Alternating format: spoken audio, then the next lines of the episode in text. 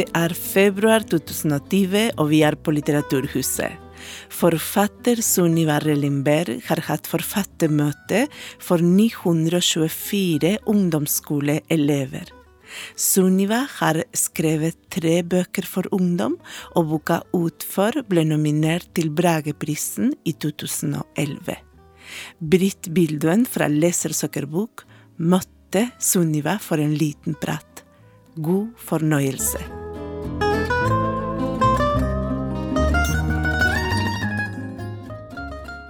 Sunniva Rellingberg, du har nettopp nå hatt tre skoleforestillinger her på Litteraturhuset i Oslo. På Rappen. Mm.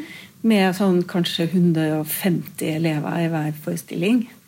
Er det første gangen du eh, leser opp for ungdommer fra den boka her, eller er det Nei, jeg har lest opp eh, noen ganger tidligere i Bergen. Men det er første gang det har vært så mange, så mye ja. på en gang. Den boka som du har snakka om, det er jo 'Polarnatt', som er din tredje bok for ungdom. Stemmer ikke det? Det stemmer.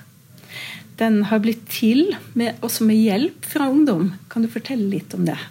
Ja, Grunnen til at jeg begynte å skrive den, er fordi at jeg begynte å jobbe på et bibliotek på en videregående skole, der mange av elevene skal lære seg norsk og kommet eh, til Norge nå nettopp.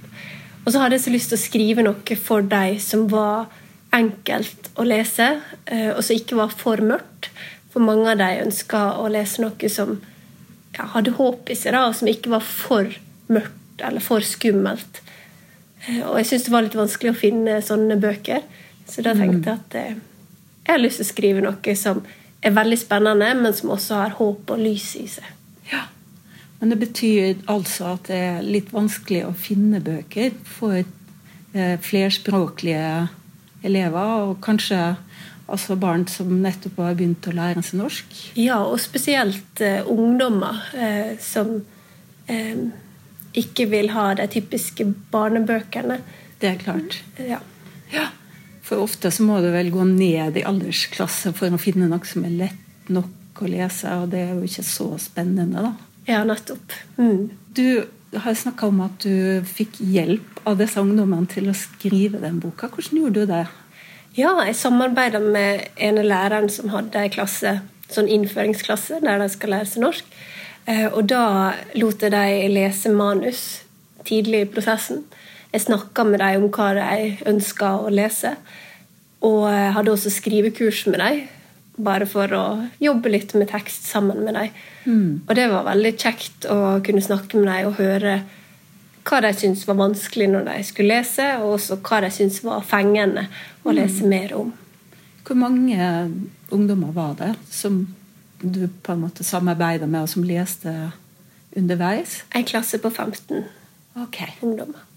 Hvordan var tilbakemeldinga? Var det sånn ja, uh, Gikk det på hva som var vanskelig, eller fikk du liksom tips også til uh, hva ja, handlinga og hva som ville gjøre det mer spennende, eller hva som var vanskelig å forstå der?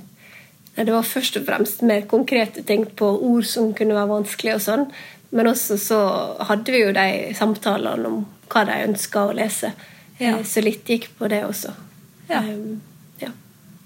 Høres ut som en interessant måte å jobbe på som forfatter. Er det, er det første gang du gjør det, eller? Ja, absolutt. Ja. Første gang. Mm. Um, til arrangementet i dag så hadde du sendt ut spørsmål til klassene på forhånd. Uh, spørsmål som uh, var sånn Eh, hva får det til å føle det alene, og hva får det til å ikke føle det så alene? Det, det var veldig snedig gjort, syns jeg. Hva, hva, slags tilbakemeldinger fikk du? Veldig mye forskjellig, og også veldig sterkt å lese mange av svarene. Mange av elevene hadde tydelig brukt tid på å svare på det, og tenkt gjennom hva var det som fikk deg til å kjenne seg alene, og hva eh, vi også sammen kan gjøre for at de som kommer nye i Norge, kjenne seg mindre alene, hva vi kan gjøre konkret for dem. Og jeg tror det var fint å få dem til å, å tenke videre ut fra det tekstutdraget de hadde fått lest, for å også se at ja, jeg skriver om noen som kanskje ikke helt liker deg, men samtidig så er det mange følelser som vi alle kan kjenne på. Mm. Det her med å være alene og ja. ja.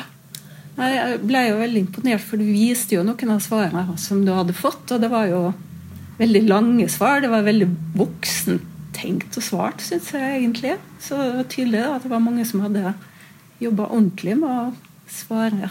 Mm. Ja, jeg syns det var veldig fint å lese. Mm. Polarnatt-boka som vi snakka om nå, det er jo, den handler om to barn som er veldig alene. Og de er alene i et iskaldt og snødekt landskap under nordlyset som flakker over dem. Og de holder på å fryse skvett i hjel. Det er to barn som har rømt for et asylmottak. Ilias og Amira. Hvorfor har de rømt? Nei, Elias sier at det er fordi han har gjort noe veldig dumt. Og Amira forstår ikke helt hvorfor de nå, når de endelig hadde kommet fram til Norge, plutselig må gå ut. Og det er jo iskaldt. Og hvorfor kunne ikke de bare blitt værende der? Men det er det at Elias trenger penger, og han trenger det ganske raskt. Og han tror at eh, de skal få det til bare de kommer fram til en som heter Henriksen. Ja, Så han går altså med sin lille søster. Ilias er vel 15-16.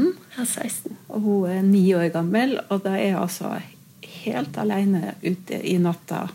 Og så er det en som jakter på dem med snøscooter. Nils slem, slem gutt som da vil ha pengene sine. Og så eh, stoppa det en bil, og der sitter et ektepar som tar dem opp og redder dem for en liten stund. Så dette er jo ei bok, dette er jo en fortelling som liksom, eh, der de har de møter på fiender, men det er også gode hjelpere. da. Og så er det dette med denne Henriksen som viser seg da å være noe helt annet enn både Ilias har forestilt seg, og vi som lesere har forestilt oss. For Henriksen det skulle være en som du kunne jobbe for og tjene masse penger. Fordi at eh, på asylmottaket så var det noen som hadde vært hos Henriksen og blitt rik.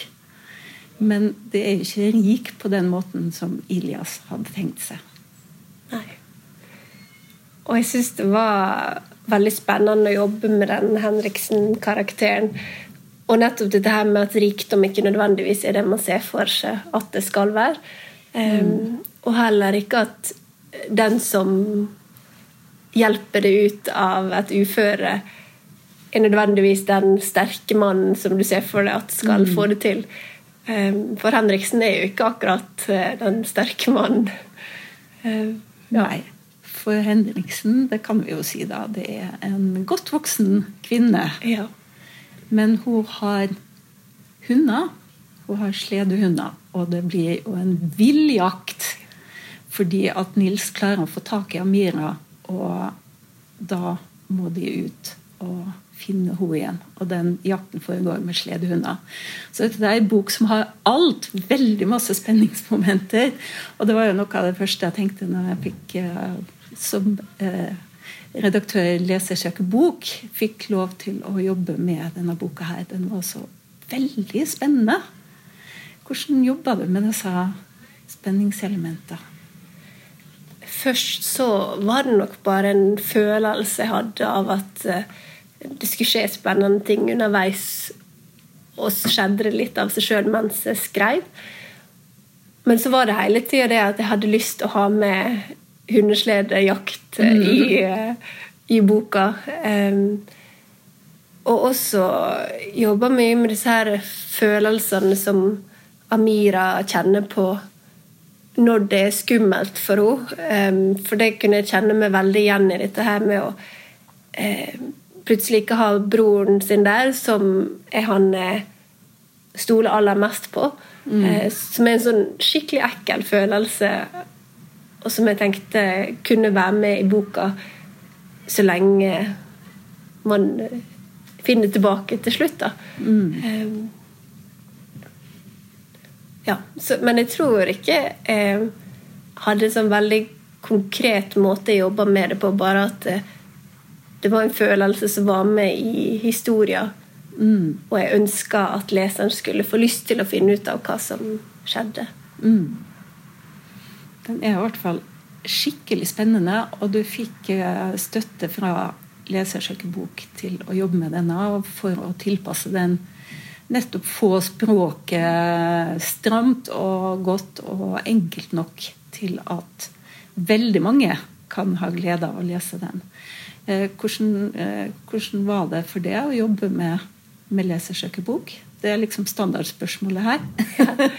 ja. Det var veldig fint, og det ga meg også en trygghet. Jeg vet ikke om jeg hadde skrevet denne boka hvis det ikke var for lesersøkerbok.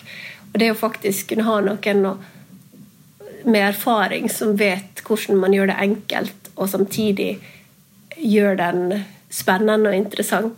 Mm. Og i starten, når jeg begynte å skrive på den, så falt det nok i den grøfta at jeg skulle ha det for enkelt. Ja. Og at det var også veldig fint å da ha lesersøkerbok som viste meg at ja, men det må jo være en skikkelig spennende historie der man faktisk blir kjent med karakterene. Ikke at det bare skal være enkelt mm. og spennende, men at man må ha med begge deler. Og eh, det var fint å få den hjelpa til å jobbe fram eh, mer personene i teksten også. Mm. Det er blitt ei skikkelig fin bok, i alle fall. Tusen takk for praten, Sunniva. Ja, tusen takk.